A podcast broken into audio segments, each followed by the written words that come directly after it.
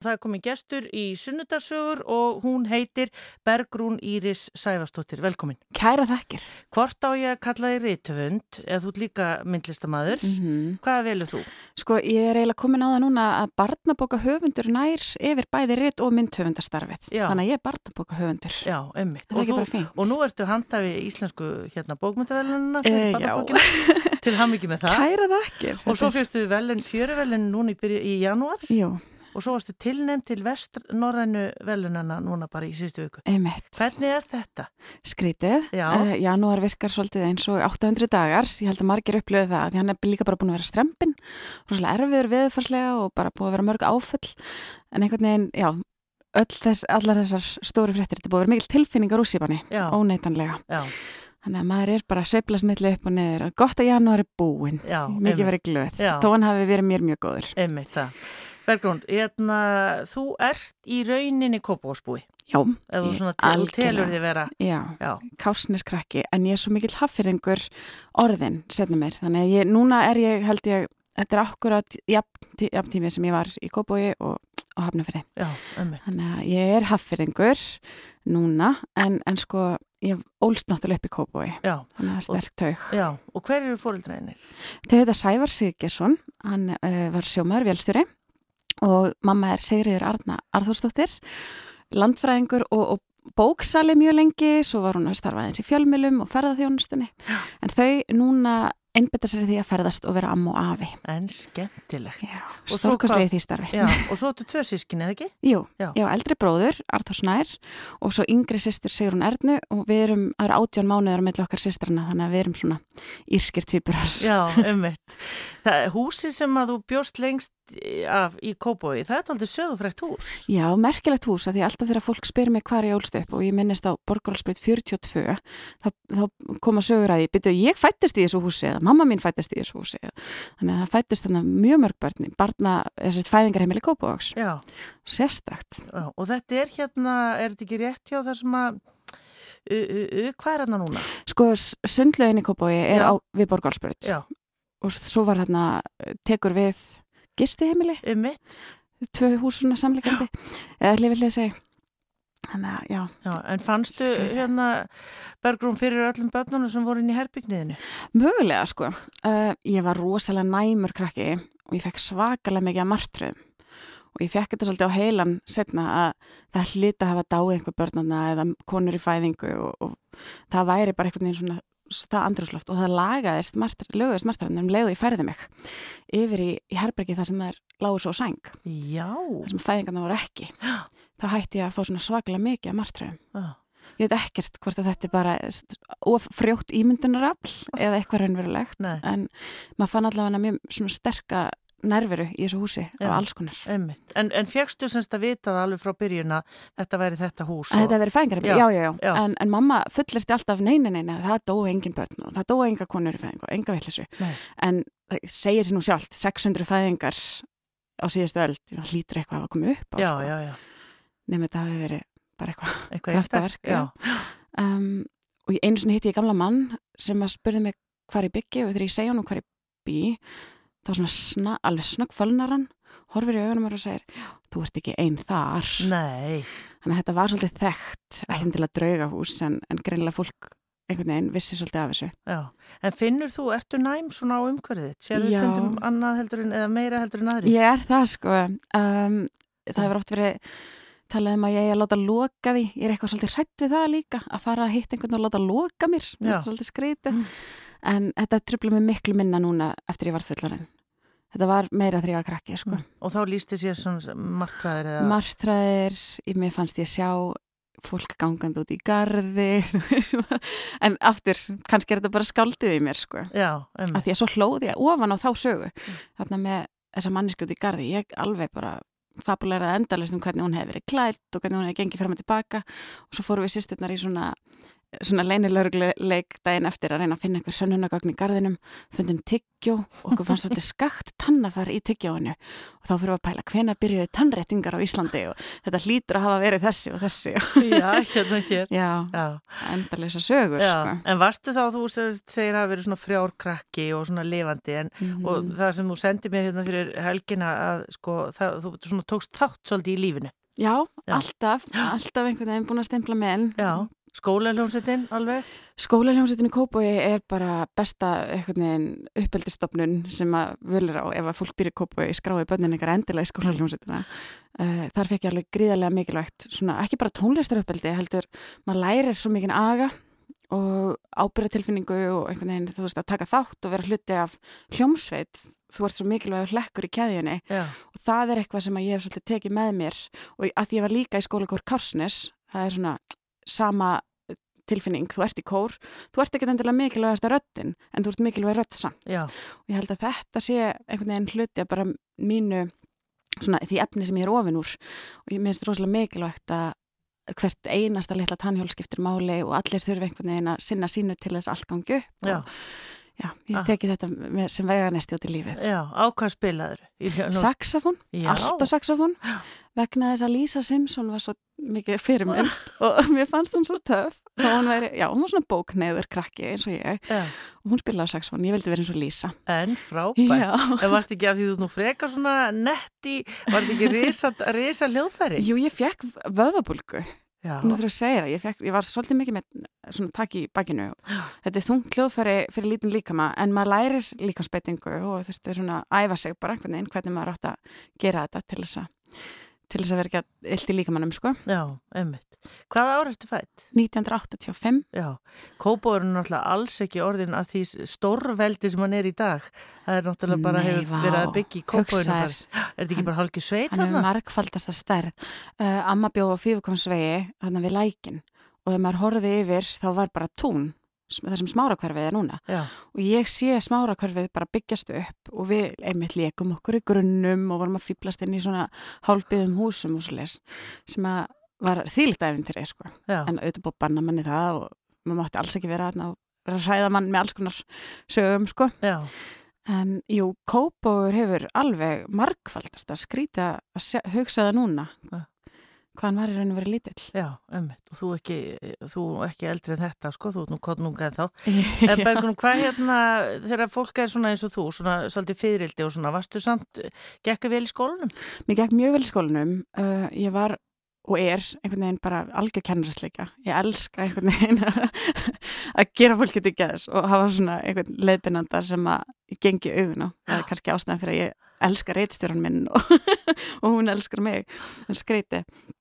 Mér gekk mjög vel í skólanum og fekk alltaf háar einhvernir en ég hef núna nýlega fengið ADHD greiningu og sem setur allt svolítið í annað samhengi og ég skil einhvern veginn rosalega mikið betur barneskunum mína og kvíðan minn og, og allt eftir ég fekk ADHD greininguna. Ég held ég hafi ekki verið greint einmitt af því að mér gekk vel í skóla. Já. En Það- af hverju lestu þá greinaði núna? Uh, bara út af kvíða sko og það einhvern veginn uh, læknir minn spurði mig bara en ætlar, ætlar ekki að láta skoða samt ofvirknin og aðteglisbrestin og ég eitthvað aðteglisbrest, ég er bara sögður, þú veist, ég týni bara öllu. Ég er ekkert með aðteglisbrest svo er jú, ég er með rosalega aðteglisbrest en ekki ofvirkni, nei, nei, nei, ég er ekki ofvirk. Svo fer ég í ferli, þetta tekur einhver þrjú ára að greina þetta og þá skora ég svona rosalega hátt í ofvirkni.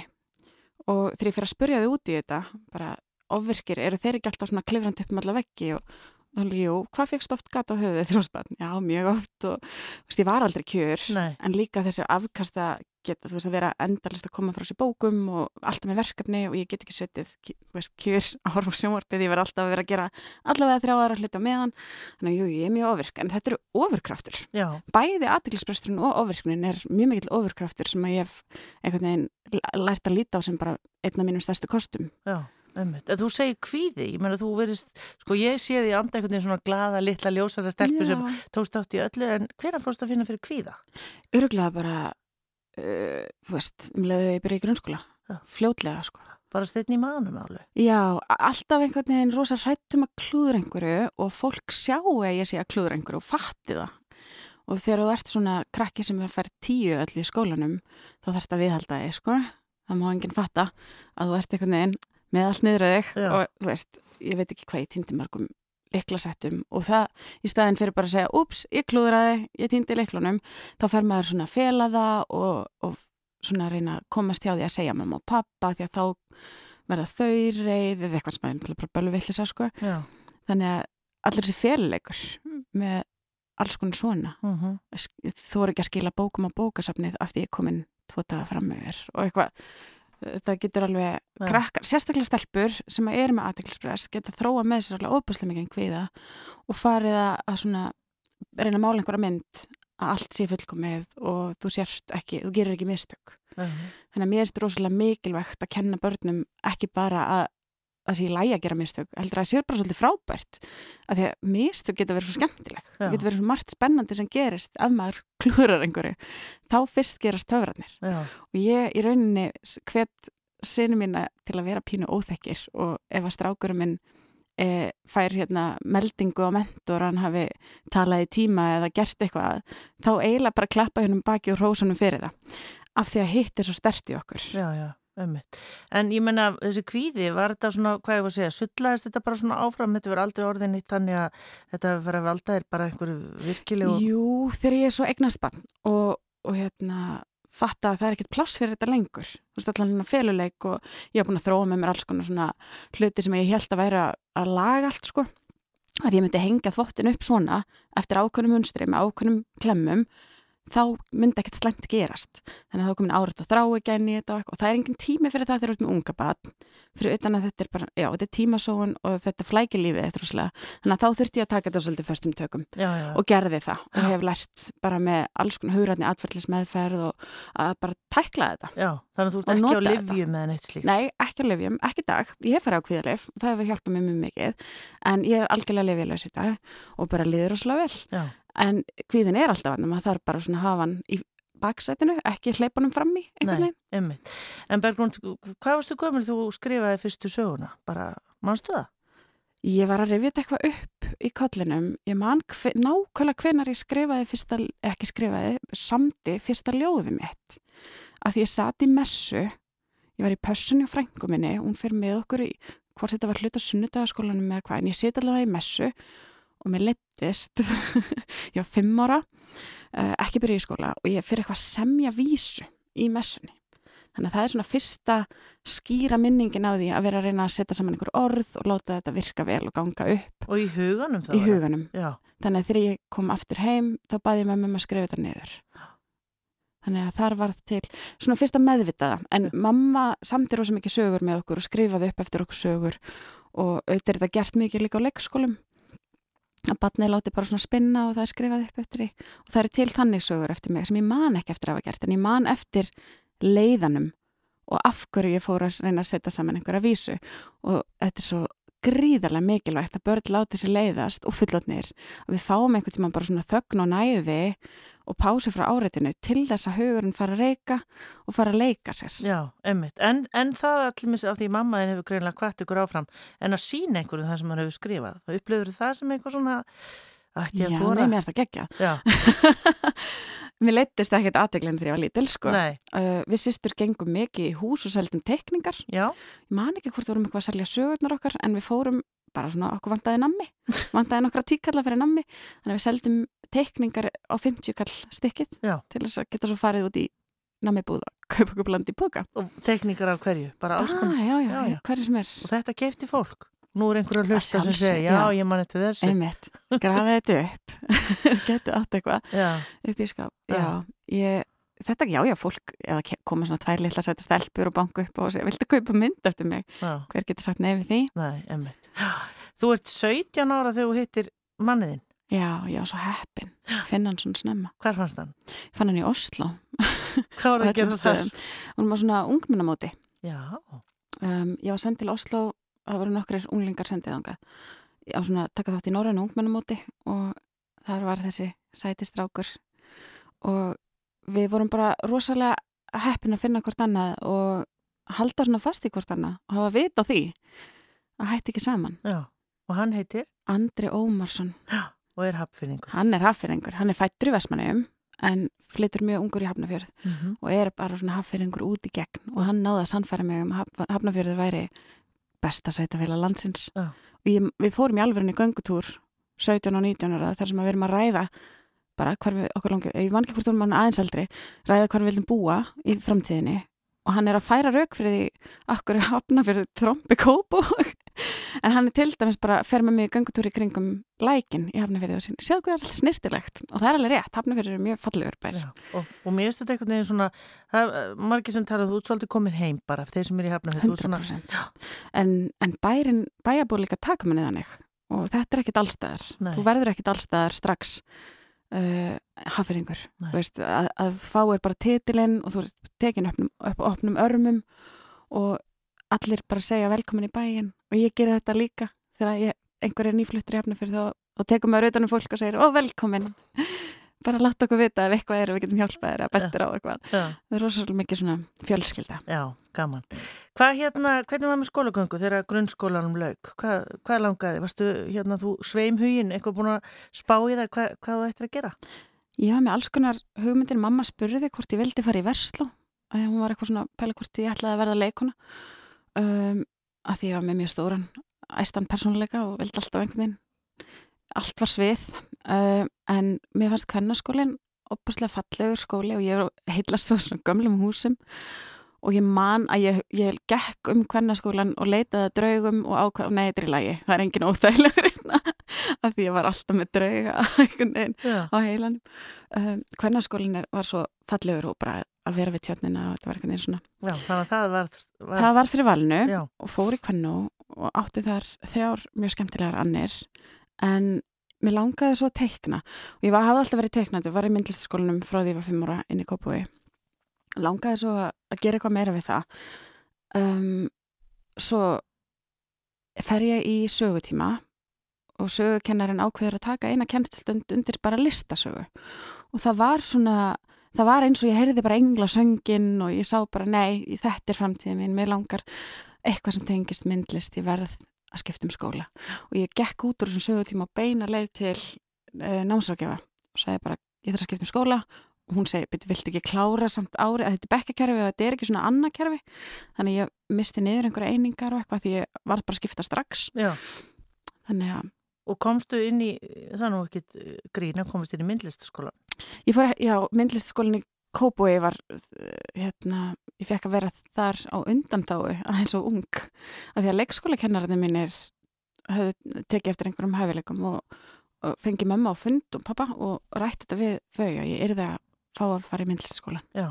Þannig að þau, ég man ekki hvort þau skrifuðu bréf eða einhvern veginn náði að sannfara Siggu uh, skólastjóra myndlistaskólan sem ég fengi að koma inn. Já, þannig að þegar þú lappar út úr kvennó, þá ertu í rauninni með hellingsgrunn til þess að fara í... í FG og fyrir þar á listnámsbraut já, já, ég er með fulltakurinn og það var eiginlega voru svo gott að koma þar að því að þar voru einmitt krakkar sem hafði, voru svolítið eins og ég búin að vera að stúdira anatómíu bækur og alveg búin að mastera skikkingar og það var alveg geggjað Já, og að lenda svolítið hlaupandi þar í náminu Já. Og meira áttar kennarar í FG alveg meira áttar, Þannig að rosalega þú- góð skóli já, þannig að þú útskrifast í rauninni sem stúdent af listnám. listnámsbraut, Já. já. Einmitt. Og hvað ætla maður þá að einhvern veginn að verða? Þetta er svolítið svona, hvað ég segja, svona stórt. já. Það getur bara gert hvað sem er. væri ég með svona meira sjálfströðst þá, þá hefði ég kannski reynt að komast inn í listaháskólan en ég var rosalega upptökin að því að sko vera praktísk og gera eitthvað skinsamlegt þetta er svona sterk tögið mér, svona öryggisfíkillin er mjög hávær þannig ég horfði bara á í rauninni einhvernablaðið uh, valdi bara það sem ég var með hæstu meðalengunina sem var listasaga, ég var með tíu meðalengunni í listasögu og bara já, áferði ég að læra listfræði þannig ég fór í listfræði í háskólanum Já. og kláraði að býja þar en tók sérst bókmyndafræðina sem auka fag. Ég hefði í rauninni geta farið í allt í háskólanum á hugvísindasviði, ég var bara spennt fyrir öllu. Mér finnst ofbúslega gaman að læra. Já. Og það er að læra svona sögu, svona utanbúð, það er tíu þannig meðalengur, ertu bara, Já, ég er með svona, ég er með Mm. alls konar skemmtilega námstækni sem ég hef tilengið mér. Ég finnst gaman að fara í próf, já, ofbúslega skemmtilegt. getur þú komið ykkur að likla hérna fyrir okkur sem að... Já, ég er að kenna stráknum minnum um það núna. Já, hann er tíu ára og var að fara í svona fyrsta svona prófi þar sem hann þurfti að leggja hlut á minni eins og ártölu og svo leiðis og ég elska þetta, ég fæ alveg svona það hlakkar í mér, einhvern ég verði alltaf spennt að læra utan að ártölu og svo leiðis uh, ég teiknaði til dæmis oft sem einhver maður hafi fæðist 1328 Já. eða eitthvað, að þá myndi ég nota tölurnar til þess að teikna andlitið á honum þannig að áttakat orði glerugun á manninum Já. og þrýr var yfirvara og svo þurfa búin að tengja svona sjónrænt við eitthvað og mannst bara, já, hann hérna, Ólafur, hann lítur svona út og hann var með yfirskegg, já, byrju 1300, já, einmitt, þá mannstu nákvæmlega, Já. 1328. Varstu þá alltaf bara með risplað með þér í prófunu? Nei, ekki prófinu, nei, ég svona gerði þetta í hausnum, en glósublöðin mín voru alltaf tvöfald lengri en bókin, af því að ég misti mig alveg Já. í að glósa heima og, og einhvern veginn upprifjanir fyrir próf og Já. svona þessi páökulærdumur finnst mér mjög skemmtilegur. Þetta setur hins vegar ekkert rosalega mikið eftir og það er vandamáli við svona lærdum þegar þú lærir eitthvað utanbókar til þess að þylja það upp daginn eftir eða vikun eftir þá setur þetta ekkert eftir í tíu árum setna sko, Nei, nei. eða 20 árum setna. En Þetta er ákveðin þjálfun samt að beita ykkur í tækni til að Já. muna.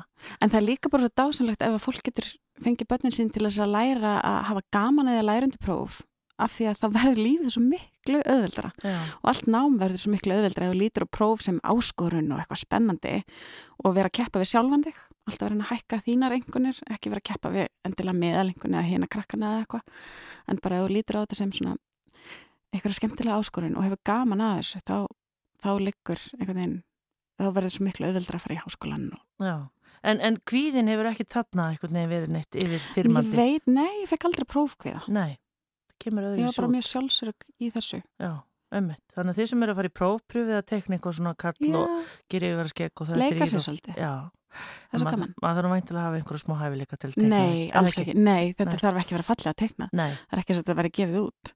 Þetta má bara því ljótar að því skemmtilegra, sko. já.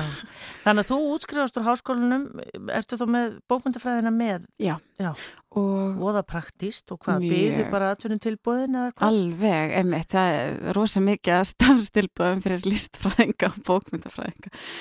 Nei, ég fatt að þetta var kannski ekkit það praktískasta, en þetta var opuslega góðu grunnur uh, fyrir allt svona skapandi starf og bara að, læra svona mikið gaggarinn að hugsun og læra að stúdira hlutina alveg onni kjölinn, mjög skemmtilegt. Uh, fyrir utan bara hvað kennarinnir voru stórkostlegir, auður afa kendi mér mjög mikið og var svona minn helsti kennari.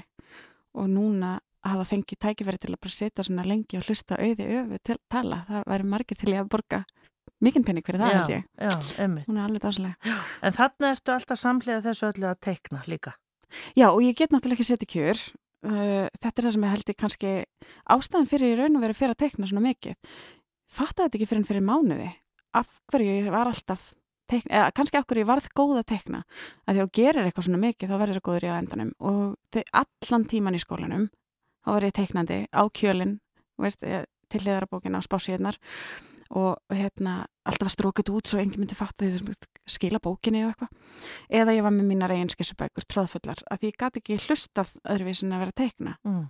En varstu þá að tekna, ég menna maður ímynda sér, ertu ge- nærða að hlusta á eitthvað viðfóðsefni Mhm. og tekna eitthvað allt annað? Menna já. hvernig, það er bara rosa þægilegt þetta er svo ósjálfrætt já, fyrir einhvern veginn, þetta er bara vöðvarnir er Já. að gera eitthvað og heilin er að hlusta já. En hvað tók svo við? Uh, ég var þá búin að vera að vinna í smá tíma í félagsmyndstöð inn í Kópói maður minn er félagsmála tónstafræðingur og var að vinna í félagsmyndstöðum og það virkaði bara eins og skemmtilegsta starfi heimi sem það er. Og ég var svo heppin að fá vinnu í Þepu í smáraskóla og það var svona já, með skólanum og svo er ég orðin fórstöðumæður ég man ekki hvort ég var orðin fórstöðumæður þegar ég útskrifaðist. En uh, og þurfti eiginlega svolítið bara svona ákveða ok, hvað ætlar að gera? Ætlar að fara að læra tónstundafélagsmálafræði og helga því að starfa með unglingum og börnum eða ætlar að gera eitthvað við þessa tekningu. Og það var ekki fyrir en það var auglist nám alveg splunkunýtt nám í tekningu í myndlistaskólanum að ég fann að það var svona kallað á mig af því að me- ég uppliði mig ekki sem listamann. Ég uppliði mig sem, ég mér langaði að vera svona yðnaðamæður að vera teiknari, svona ari, eins og bakari eða pípari, teiknari. Já. þannig að þegar kemur teikninganám á diplomastíi í myndlistaskólum í Reykjavík þá fæ ég leifi til þess að svona námsleifi og fer í það nám og að læra undir sko færustu teiknur um þjóðarinnar er eitthvað svo dýrmætt Mm. og maður áttar sig kannski ekki á því en við höfum svo mikið aðgengi að fólki á Íslandi þetta er svo lítið land þannig að þetta eru okkar rockstjörnur eins og Kristín Ragnar og Haldur Baldursson eru bara að kenna mér Já, það er rosa stort já, og sérstætt já. Og hvernig, eh, að því maður hugsa sko, uh, það hefur svo margt breyst með tilkomi tölvunar og svona, en er þetta, gengur þetta alltaf út á blíjantin og, og blaðið, eða? Ég vinn rosalega mikið digital í tölvu og á spjald en það er einhvern veginn það er eitthvað óutskýranlegt, það er einhver töfrar í því að tekna með blíjantablaði eða allt svona Já. handgert verður meira ekta Já. þannig það er búið gott að blanda þessu saman, Já. ég hef svolítið verið að gera það en fólk er að búa til alveg stórkostlega tekningar bara í tölvum Já, emmitt. En, en sko, hver er munun bara á teikningu og þessu námi og svo bara myndlistanámi? Hver er svona að þú segir Sko, þetta ari, Já, teiknari? Hver er, hérna, hver er svona helsti munurinn fyrir nokkuð sem að, Ég kannski bara, mér fannst myndlistin stundum ofar mínum skilningi þó ég væri búin að stúdira hann í fjögur ári í háskóla. Það var eitthvað óaþreifanlegt, eitthvað sem að mér fannst, ég, ég dróð svolítið úr því sem ég var að gera. Það var ekki list, það var bara krót og hvað getum við gert fyrir svona krót og ég vildi bara vinna eftir pöntunum annara. Ég, ég sá einhvern veginn ekki fyrir mér að það sem ég væri að skapa væri eitthvað nógu merkilegt til þess að kalla það eitthvað. En ég var alveg til í að teikna fyrir einhvern annan uh, og taka bara við pöntunum og teikna og draumastarfi var þú veist að vinna hjá CSIP eða einhverjum stóru fyrirtæki þar sem ég var bara eitt lítið ósynlegt tannhjól í einhverju stóru Já. og margir kæmi að verkefnum og, og svoleiðis. Ég, þetta einhvern veginn, ég náða að hrista af mér ég veit ekkert hvað allir því sko Mm. en þetta er eitthvað svo, eitthvað, hvað ég var að segja, á skjön við það sem að þú lýsir þér sem karakter, eh, Bergrún, að þú ert svona fulla sjálfströsti, en þannig ert eitthvað þeir ekki nógu svona Nei, örygg í þínu. Nei, um, ég veit það ekki. Það, ég er ekki besti teiknari neitt sko. Veist, ekki bekkarins eða körfisins eða landsins. Uh, þetta, ég er ekki, og þetta er meira lært heldur en einhver meðfættir hæfileikar. Og ég er alltaf að bæta við mig í þekkingu og verða betri, vissulega, en ég, ég er ekkit sérstaklega, ég er ekkit rosalega frábær teiknari, en mér finnst það óbærslega gaman Mm. og ég, jú, ég er að verða betri og þá svona kannski verður maður örugari með sig. Og það er sama með sko reitstörfin ég þurfti að læra að skrifa og læra að skrifa góða sögur. Og þar kemur reitstörfin og Marta hjá bókabetinu og þær allar bókabetinar, þær hafa verið minn, minn reitlista skóli, mjög mikið Já, emmitt, og það er ekkit aðsnælt að viðkynna það, það er bara, maður þarf stundum að læra hlutina. Nei, veistu, verður, við verðum að viðurkenna þetta vegna þess að það er ekki eins og einhver fæðist fullkominn sundmaður. Nei, þú ferð á æfingar, þú lærir að synda rétt. Og ef við látum börn alltaf halda að þetta sé einhver svona yfir náttúrulega gáfa að einhver hafi snortið þig þú veist, einhver skáldagiði að komi bara og liftið þér upp í heiminin og þú fæðist fullkomin þá erum við að búa til endalust af litlum krökkum sem að trista, sko, trista ekki á sig og sitt og halda að þau get ekki neitt já, í staðin fyrir að við kennum þeim bara, jú, hérna, þetta er takmarkið þitt, hérna eru skrefin þegar þú séu þú þarfst að taka til þess að komast þangað og þú byrjar allt bara með einu blaði og einu blíjanstriki og svo fer það bara þangað sem það fer. Já, Um, já, Já. En Bergrún, hvenar kom eitthvað út eftir þig, þar að segja myndlist eða tekning sem að varð svona bara, wow, þetta er vel gert. Hvað er svona það fyrsta? það sem að mér fannst þetta að vera vel gert. Já, Mm, ja, mér finnst alltaf, alltaf vel gert sem ég gerir, sko.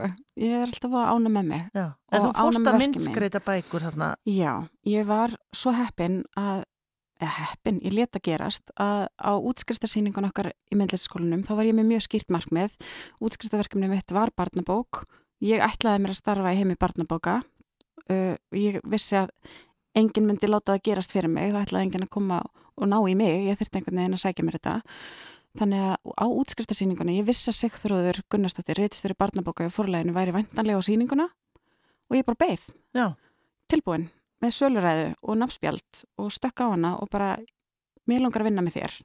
Hérna er þetta og ég skal senda þeim uppuna mína og bara hvað getum við gert? Og var mjög ákveðin í því. Mm uh, hún ringir í mig viku setna með verkefni þá var hún akkurat með höfund sem var að gera bók og teikningarna mína myndi passa vel í það verkefni og, og það bara verið til eitthvað samtal og já, ég gerði tvær bækur þetta sumarið fyrir forlæð. Já, hvaða bækur voru það? Uh, gerði eins og ég Kvati og dýrin eftir Efi Þengilstóttur. Já, já. Mjög skemmtileg bók og Blávatsormurinn eftir Brynildi Þórarins og ég hef teiknað fyrir hana aftur svo setna. Já. Hún er einn af okkar skemmtilegustu höfundum. Já, emmitt. En Bergun, mátt þú þá ráða ef að höfundur er, svo þú sér, Blávvatsormurinn, mm -hmm. mátt þú ráða sem teiknari hvernig hann lítur út? Já, ég mér, eh, sem betur fyrir það er mér, mér mikið treyst sko en ég þarna var ég rosa mikið í því að senda eitthvað svona fram og tilbaka og þú veist reyna að finna út eh, sko að, hvað höfundurinn hafi séð fyrir sér og reyna að leita því og það er oft svolítið svona fjársjósleit þegar ég er að teikna mínar eigin bækur, þá er mjög hrætt aðgengi, ég veit nákvæmlega hvað ég sé fyrir mér og þá fyrir á bladið, en þegar ég er að teikna fyrir einhvern annan, hann er kannski búin að sjá fyrir sér persónuna en getur ekki færta í teikningu, getur ekki komið á blað. Og þá er það á minni ábyrðið einhvern veginn að reyna að finna það. Þannig að ég teikna oft nokkrar útgáfur og sendi fram og tilbaka og svona reyna að finna. Svo allir séu gladir. Já, ummitt. En hvernig metu þú uh, teikningar í bókum og barnabókum? Þurfa alltaf að vera myndir? Meir og meira þurfa að vera myndir. Það er svolítið, sko, krakkarnir verða fyrir rosalega miklu sjónrænu áreiti og eru óbúslega myndlæs í dag og bara við erum alltaf verið myndlæs sem börn en ennþá meira í dag. Þau, þau þurfa að kunna að lesa myndefni og greina og þegar það er svona mikil krafa á augunaður og líka bara það að þau eru alltaf í iPad og það er alltaf einhvern veginn, það er svo mikið, mikið að litum og hvernig á bókin að keppa við það? Og við verðum að hafa teikningar til þess að halda þeim við efnið og þetta áður fyrir var þetta þannig að þú þurfti teikningar upp að sex ára aldrei og svo varstu farin að lesa bækur Já. og þá voru orðin aðaladrið en þetta er búið að breytast og við verðum að fylgja krökkunum svolítið. Ég er að gera unglingabók til dæmis eða gerði unglingabóki fyrra fyrir mentamálustofnun sem er mjög mikið myndskreitt af því að það heldur en við efnið og við, ég myndi að þú sér það sjálf að þú lest kannski fræðiritt eða eitthvað, hvað er mikil kvild í myndunum já, já. hvað auga leitar að myndum og bara dagblöð Já. getur ímyndar ef dagblöð væri bara texti það er rosalega erfitt mm -hmm. og æfisa til dæmis æfisur, ó það er svo gott af myndir Já. Þannig að við viljum þetta erum fullorðin, þannig að okkur ætti unglingarnir ekki vilja það, eða miðstökskrakkarnir en hérna hér áður fyrr, þegar það var ekki svona mikið árit á augun á okkur, þá þá var einhvern veginn meiri kvild og þú veist, til staðar og þú varst að lesa bók og þú varst að teikna sjálfur rosalega mikið með huganum. Og svolítið skemmtilegt þegar móðið mín á uppáhaldsbók sem ég man nú ekki akkurat hvað heitir en hún fjallaði um hest eða eitthvað og hún var að segja mér frá einni mynd í bókinni hún er búin að segja mér hvernig myndin er og hvað það hefur verið fallið mynd og svo þegar amma fjall frá og mamma fær bókakassa frá henni drefur fram þessa bók og ætlar að finna myndina til að sína mér þá er engin mynd þetta var allt í höðun á henni Já. hún hafi teiknað þessa heilu mynd og mynd eftir henni veist, 40 árum setna eða 50 árum setna þessari fallegu mynd sem var ekki tensin í bókinni. Wow. skemmtilega En mér finnst mjög stert það sem þú segir að við að bara jafnvel aldrei verið mikilvægara. Aldrei verið mikilvægara. Nei. en þetta er dýrt, það er dýrt að búa til mikið myndskæði bækur myndríkar bækur. Og því miður þá eru útgáfu fyrirtæki í landsins ekki þannig stöndu að þau getur verið að setja mjög mikið í myndir. Það er hræðilegt. Það er svo mikilvægt að að við stiðjum við myndhöfunda með starfslönum sem að þeir hafa ekki fengið. Nei. og þeir getur henni hverki, hverki leitað það er einhvern veginn engin sjóður hendar þeim fullkomlega. Þannig að mm, það, það þarf að finna já, það þarf að finna leið til þess að láta það ganga upp af því að við viljum hafa myndrikar bækur Já, einmitt. Við ætlum að taka Örstullje, Bergrún, Íris Sæfastóttir Rítuundur og myndlistamæður er gestuminn, tökum hérna nokkru öllisengur og höldum svo áfram og fáum að heyra þess uh, bara hvað hún er að fást við þessa dagan og þetta næstu hérna aðtæfnir að taka múti velinu. Held ég nú, við erum hérna alveg á fullu spani, Bergrún Íris Sæfastóttir er gestuminn, Bergrún er ekki gaman að hérna, hendast svona yfir æfina í svona einum útvastætti. Þetta er svolítið skrítið. Já. Það er margt sem að maður heldur um að muni ekki, svo byrjar maður að tala og einhvern veginn bara endar einhver staðar. En hvenar, hérna, hvenar fóstu einhvern veginn að geta bara að lifað á þessu, hætt hérna mm -hmm. svona hefðbundinni vinnu og fara að vinna bara við það sem að þú elskar mest af öllu? að það var svona skrítið sko, ég var að vinna á byrtingi og það matlaði í mér þessi tilfinning að mig langar svo að börnin mín fylgi draumanum sín, allir draumanum sína geri það sem þeir vilja gera og svo fer maður að- kíkja í speil og bara býta, ert þú að gera það?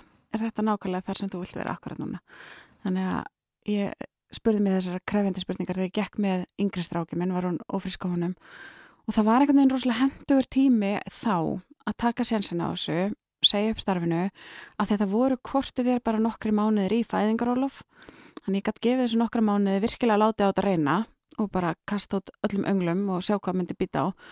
Og þannig ég segja upp um leið og ég geng út um dyrnar þá ringir síminn og það er bara einhver maður sem var að skrifa bók og hafði fundið mig á internetinu og langaði að ég myndi tekna mynd- myndir í bókina af því að þetta gerist um leið og þú veðjar á sjálfan þig sko, þá heldur heimurinn svo mikið með þér Já, og hann tekur einhvern veginn við þér mm, og öll tækifærin koma ef þú ert tilbúin, ef þú ert móttækilegur fyrir þeim. já, þannig að síðan 2009 hefur verið, Nei, þetta var, það er eldri strákurinn Já, 2009, já. það er 2014. já, 2014. Já, 2014 tók ég þetta stóra stökk og hef ekki leitið tilbaka síðan. Nei, og það árið mitt færðu velun.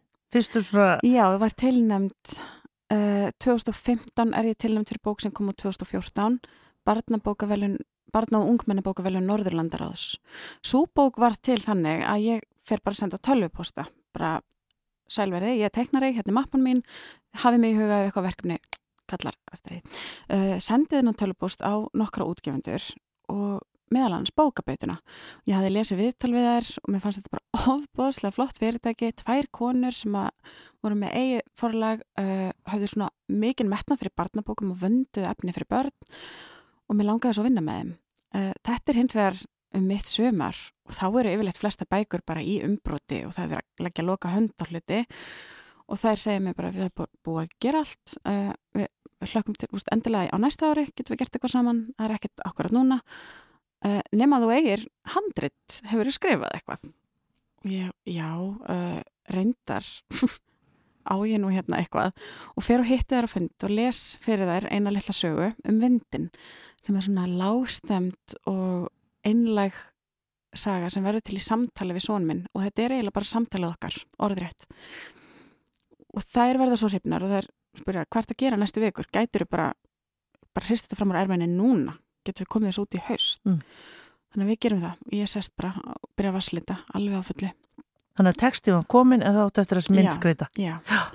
Uh, þannig að ég bý til, bý til bók á núleitni Já, og hún heiti Vinu minn vindurinn. Vinum með vindurinn Já, var hann þá að spyrja út í hvaðan vindurinn kæmi eða?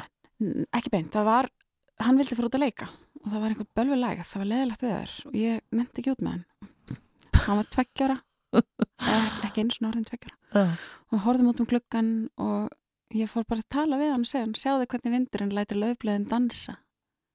Og eitthvað já, beigir tríðan og allt sem að vindurinn gerir af því hann er svo skemmtilegur, hann er náttúrulega ósynlegur við sjáum ekki vindin við sjáum bara allt sem hann gerir já, og hv- hvernig hann lætur aðra hluti reyfa sig og haga sér. Og þannig var til þessi litla bók um vindin já, já, já, sem að fekk ofbúslega góðar móttökur og tilhæmdi fjöru velunana og þessara stóru, stóru veluna já.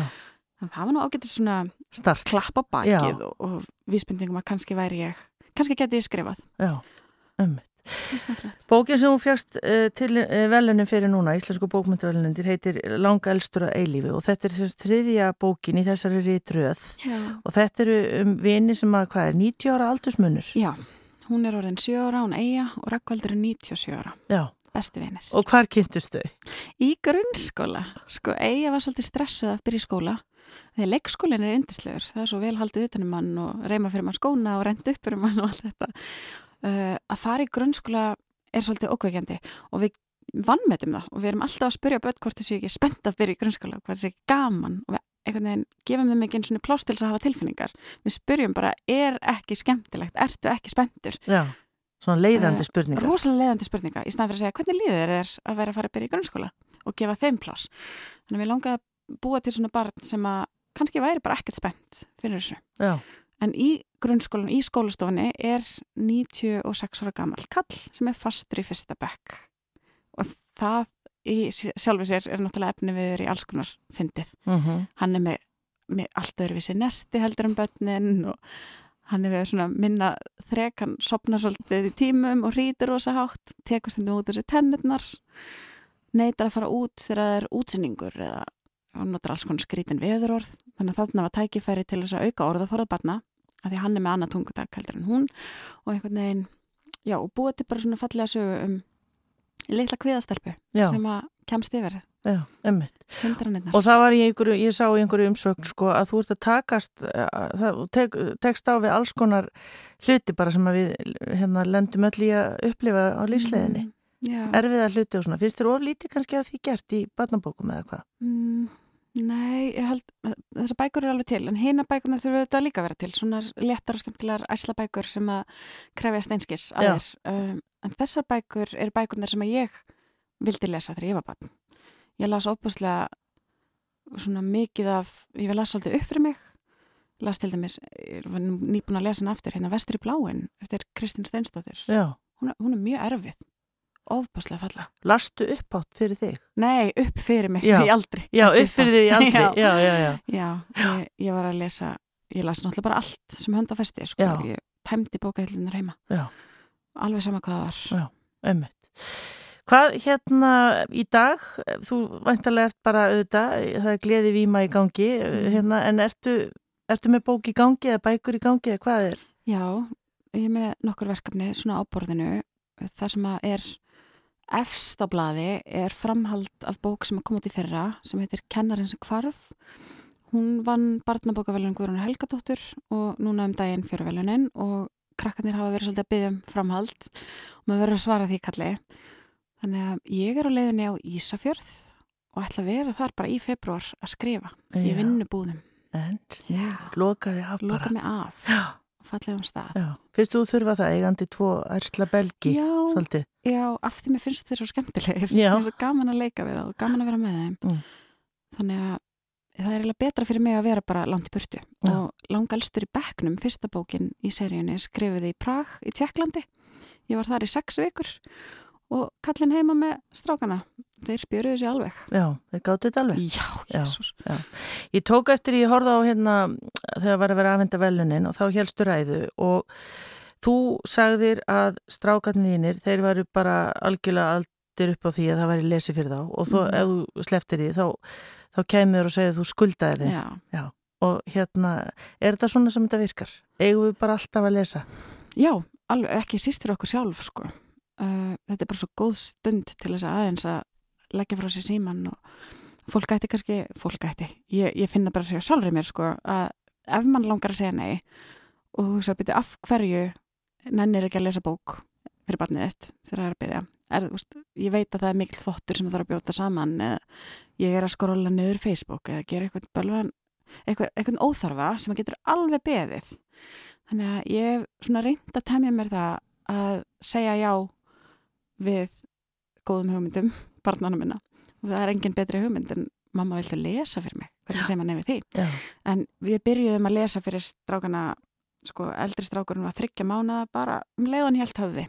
Þá var þetta hluti af kvöldrútinni lesa bók, syngja lag leggja niður rúmið, góða nótt og þetta var svona og það var rosalega góð söprútina í gangi og hann varð svo háður þessu.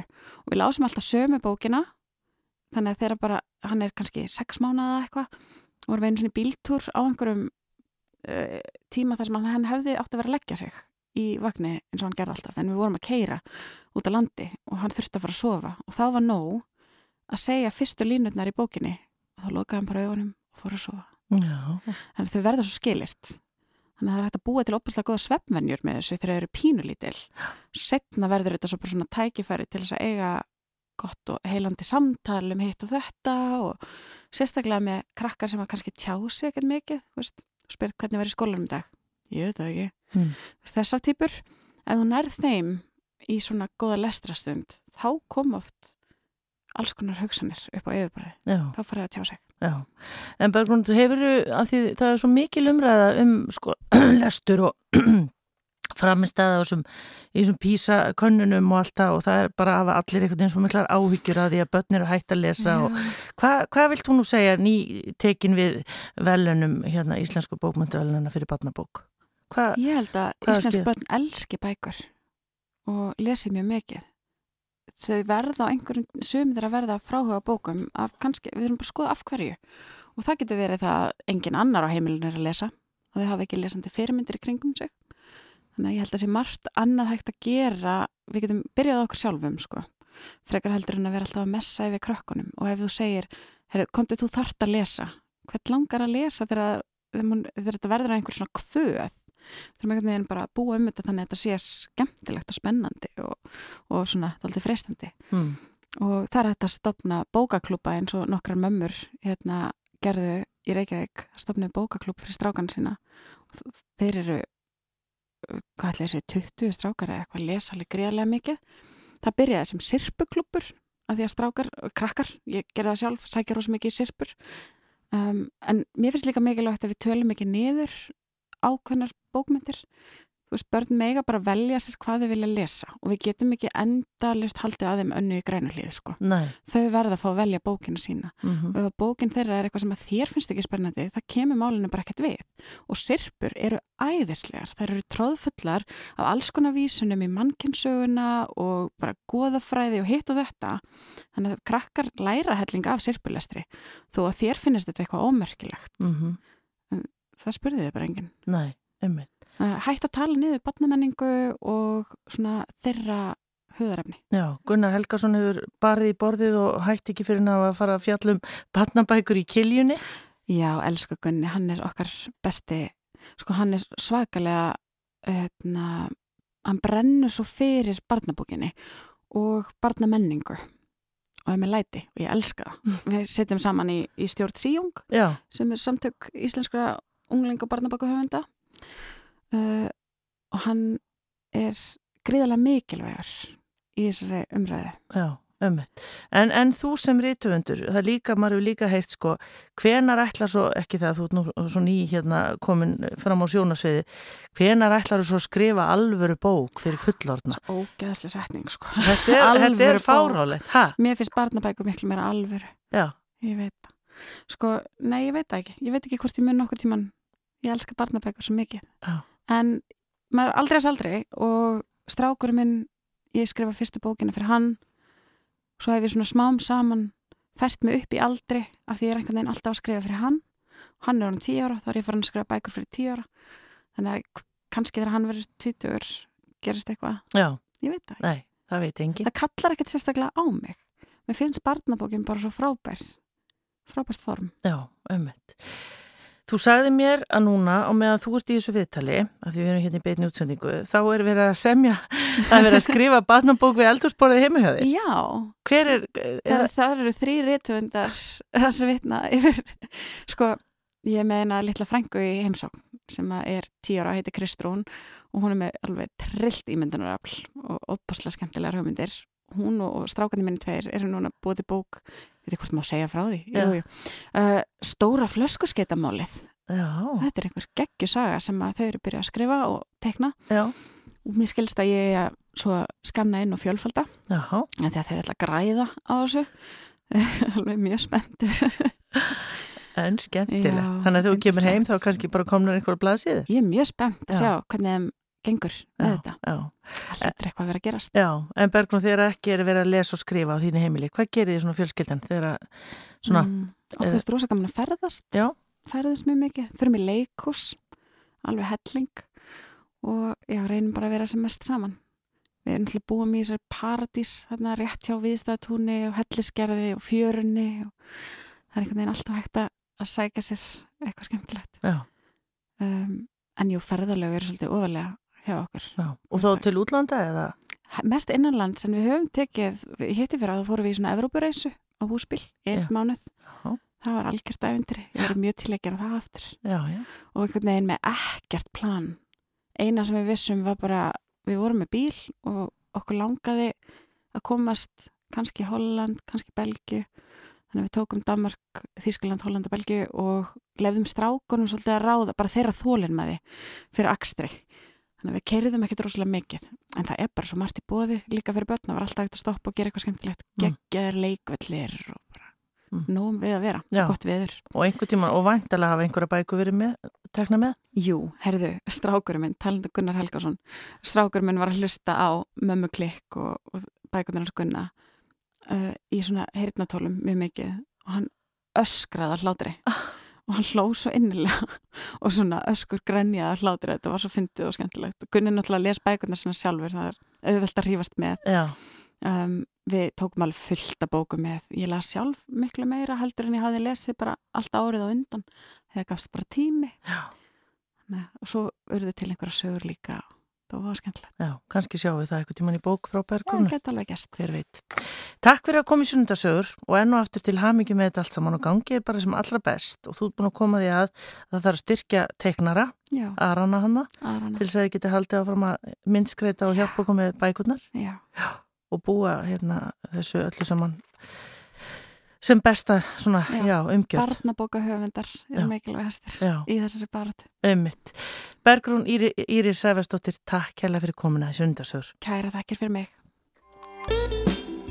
Hann er komin til mín, hann Arnar Sveit Girsson sem er, já hann er fókbólta dráku vil ég nú vilja segja, fættu 1991 en hann starfa núna sem verkefnastjóri hjá Öðnast. Velkomin. Takk fyrir það. Hvað er það, Öðnast?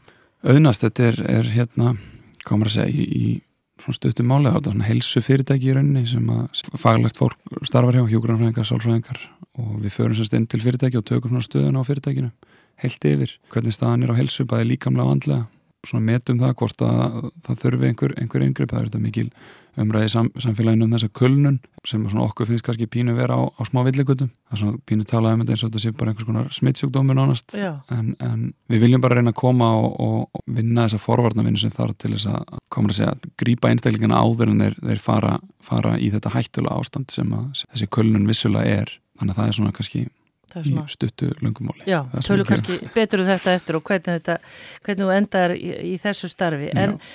Arnar Sveit Gersson, ertu hvað, voru að segja, þú eiginlega komst inn á korti fyrir okkur sko, nú er ég að tala fyrir mína kynslu og kannski þá sem er eldri en þú, sem svona strákurinn sem svolítið bara hefur undarfarið opnaði svolítið bara í fjölmjölum skrifað pistla og hérna fæslur á Facebook og annars það er bara beint frá hjartanu er það ekki eitthvað, er ég ekki að meta þetta rétt? Jú, ég, já þú er reyna að segja mér það er hérna, þetta er allavega þín, þín upplifun og, og kannski upplifun margra annara af, af svona kannski því hvernig ég kem inn á, á sjónasvið ef, ef að það svo má segja en það sem gerist alveg óvart. Það var ekkit eitthvað, eitthvað endilega planað að, hérna, það ætti að vera þannig eða, eða ég var ekki með eitthvað, eitthvað langtíma planu það að fara að opna með þetta í fjölmjölum En þið langaði bara til að stíga þetta skref eða hvað? Já og, og það gerist raunin út af því að í vinnuminni hjá sálfræðingum mínum að þá var sérst eina af þeim æfingu sem ég átt að taka var, var bara svona svolítið að greina mína tilfinningar sem ég var að finna fyrir sem ég hafði ekki verið sérstaklega góður í áður mjög góð leið fyrir mig bara sem hefur alltaf verið það er einhvern veginn að skrifa, það sem ég er að hugsa. Þannig ég byrjaði bara á því að skrifa þegar ég lendi á svona einhverjum hindrunum uh, í þessu ferli mínu. Sagt, enda á því að sína henni í rauninni þessi skrif og hún sé hann óskar eftir því að fá sína sagt, öðrum skjólstæðingum sínum þessi skrif. Og þá einhvern veginn kveknar einhver pera hjá mér að ef að henni finnst skrifin vera þannig að hún sem sálfræðingur getur nýtt þetta til þess að hjálpa einhverjum hjá sér að þá kannski eitthvað er við ykkur á fleiri. Og ég er henni á bara það samtal við, við hana um það að, að sagt, hvort það væri eitthvað viti því að byrta þetta. Og við fórum þetta vel yfir það það, það fylgir því að þetta ákveðin, ákveðin pressa að opna sig með svona hluti. Það er svona ofta tíum verður þannig að þegar þú verður einan gæðslega búið ofinberð persóna að, að þá megir ekkit mist, mistiga þenni allt og mikið og, og sérstaklega þú ert að tala kannski eitthvað viðkvæmt eða, eða eitthvað sem skiptir þig miklu máli að, að bæði líka það að þú oft missir tökina því hvernig, hvernig umræðan ákvæmlega byrtist þannig að, að en á endanum þá bara tóku við ákvæmlega að það, hérna, það gæti bara verið, verið gott skrif og, og og ég svona sem í dag sé alls ekkit eftir því. Um, við skulum, Já, við skulum líka fara aðeins betur í þetta já. eftir. Tökum bara hérna uh, hvað ég voru að segja, ræturna þínar. Þú kemur af miklu íþróttafólki og leikúsfólki Já, svona. Amma, Já, við byrjum bara í móðurættina Ammaðin og Afi, Þórildur Þorlefsdóttir og Arnar Jónsson. Ha? Já, þetta er hérna Þetta er einhver smá ka kanónur. Nei, þetta er svona leikúsfólkið svolítið. Já ég var náttúrulega mikið í kringu leikurs þegar ég var yngri og, og, og náttúrulega bara mikið í kringu þau og, og svo náttúrulega sískinni mömmu mörg sem að hafa líka feta, feta þennan stíg í, í þessum leikursheimi þannig að þeim megin var þetta svona, komur að segja, allsráðandi í rauninni en, en mamma náttúrulega ekki þar. Nei, mamma þinn, uh, hún heitir. Hún heitir Guðrún Helga Arnarsdóttir og en hún fór aldrei út í leikursi sko. En hún var aðeins í sjónvarpinu hún var hérna hún var hér, Já. og, og, hérna, og hann eitthvað á sagafilm líka og svona, þannig að hún var svona kannski í, í, í tengingu við þetta. Já, en ertu, Arnar, þú veist, áttu minningar úr hérna með ömmu og afa og, og öllu þessu fólki bara í, á barnasýningum og alls konar sýningum í? Já, já, þegar maður fekk að fara baksviðs það var náttúrulega mikil upplifun Já, eftir einhverja barnasýningar þegar, þegar manni fannst það náttúrulega mjög merkilegt að, að, hérna, að geta að fara í baksviðs og, og jafnvel sé, sé afa í einhverju gerfi eða einhverju slíku og, og svona kannski mín svona uppáhaldsminninga sem að kannski tengist leikusningi beint en það tengist sko afa sem, sem leikara að hann hérna gerði alltaf hljóðbækur fyrir mig bara persónulega. Hann las inn heilu, heilu batanbækunar á hérna spólu og ég veit ekki hvað ég var gamallir ég hætti að hlusta þetta sko áður en ég fór að sofa Það vonandi geymur þetta vel. sko ég er nokkuð viss um þetta sé í kassa hjá neyri geimslu Já. ásand, ásand, en ég þarf að fara að kíkja á þessar, spólur að það er vist kannski geimast ekkit, ekkit að eilíu sko. þetta er svona þetta er mjög góð og hlý minning Já. hérna, sem að, og þetta er greiðlega fallegt, fallegt af, af afa að, að hérna, setja fyrir framann fram að tækið að taka upp heilu bækuna fyrir, fyrir batnabandið sitt sko. Já, svo er það föðurættin, pappiðin Geir Sveinsson, handbóltamaður og þjálfari til margra ára og, og, og íþróttufólk þar er það ekki svolítið? Jú, þar er, er svona sagt, pappi, pappa, afi hann var, var hérna mikið í ISI, hann var, hann var líka inn í KR á sínum tíma þannig að, að, að þa- þar kemur svona mikill íþrótta bakgrunnur í rauninni og, og ef ég ólst upp við, við leikus að einhver leiti að þá svo sannlega ólst upp við íþróttir. Og það var náttúrulega af- út af því að pappi var náttúrulega ennþá leikmaður þegar, þegar ég fæðist og, og, og er það fyrstu ára æfiminnar sem er svona kannski lita líka fyrstu ára, ára æfi okkar fjölskyldunar. Fæðist í, í Valencia á Spáni. Mannst náttúrulega ekkert eftir því? Nei, eh, mann ekki eftir því. Bjóð þar kannski fyrstu 2-3 ára æfuminnar ég held að þau flytja út 88 ég fæðist þannig þreymar án síðar og síðan búið í Fraklandi og Þískalandi í, í framhaldinu. En, en ég svo sem ég og mamma byggum lítið í Þískalandi þannig. Vorum svolítið að flakka á milli. Uh, vorum minna heima líka mikið þannig að á þeim tíma. Hvaðan áttu minningar úr útlöndum svona, sem að þú tengir við? Ég man mjög stert eftir, eftir hérna fyrsta ég man ég hvort var fyrsta skóladeginum en, en allavega svona einna fyrstu skóladeginum í Fraklandi þá skildi ég, ég skildi náttúrulega ekkert í tungumálinu og, og frakkanum hún fannst það bara mjög skrítið að það var ekki búið að kenna barninu fyrir önsku sko. Þannig ég var bara látið setja út í hotni heilan dag Já, skemmtilegt. ég held ég að vera fimm ára gammal ég var, eftir þetta var ég með mikinn mótrók akkvært frönsku skólakerfi og það enda þannig að ég, ég hérna sagði eftir fyrsta ári, það kem ekki til greina ég, ég færi aftur í þennan skóla. Nei, þannig að þá tók bara mamma við og, og hérna kendi mér heima. Já, já, já. þannig að, hérna, ég á mjög góða minningar af, af því, bæði það og, og, og, og bara líka þetta að hafa verið mikið erlendis þar sem að pappi var kannski mikið að ferðast út af, út af sinni vinnu sem var þá að vera, vera handbóltamæður að, að þá voru náttúrulega ég og mamma mjög mikið saman og, og ég býði því, því alla efi En hvernig varstu svona, þú veist, þegar pappiðin var að keppa og svona, áttu minningar, varstu trilltur við skjáin eða í höllunum eða svona, þú veist, férst þetta strax svona einhvern veginn í þig? Já, ég held að það hafa alveg komið strax og einhvern veginn, þú veist, það er svona einhvern veginn bara þessi tilfinning að, þú veist, sjá einhvern sem að maður elskar jafn mikið og, og, og fóreldra sína, sko, og hérna að sjá einhvern svona fyrir sér vera einhvern veginn inn á en velli að vera að keppa móti einhverjum og, og auðvitað tók maður bara svolítið þátt í því og það er enn dag í dag örgulega það sem hefur komið mest ári á mig. Það er þegar, hérna, papir á leðalinninni, sko, að, þjálfagstar og, og, þú veist, tapið að sigur að, að það hefur þá bara, það er í, í þá hvora áttina, sko, hérna áhrif á mann. En svona þetta pendla milli og svona, náður þá einhvern veginn að mynda svona tengsl við vini á Íslandi eða hvernig?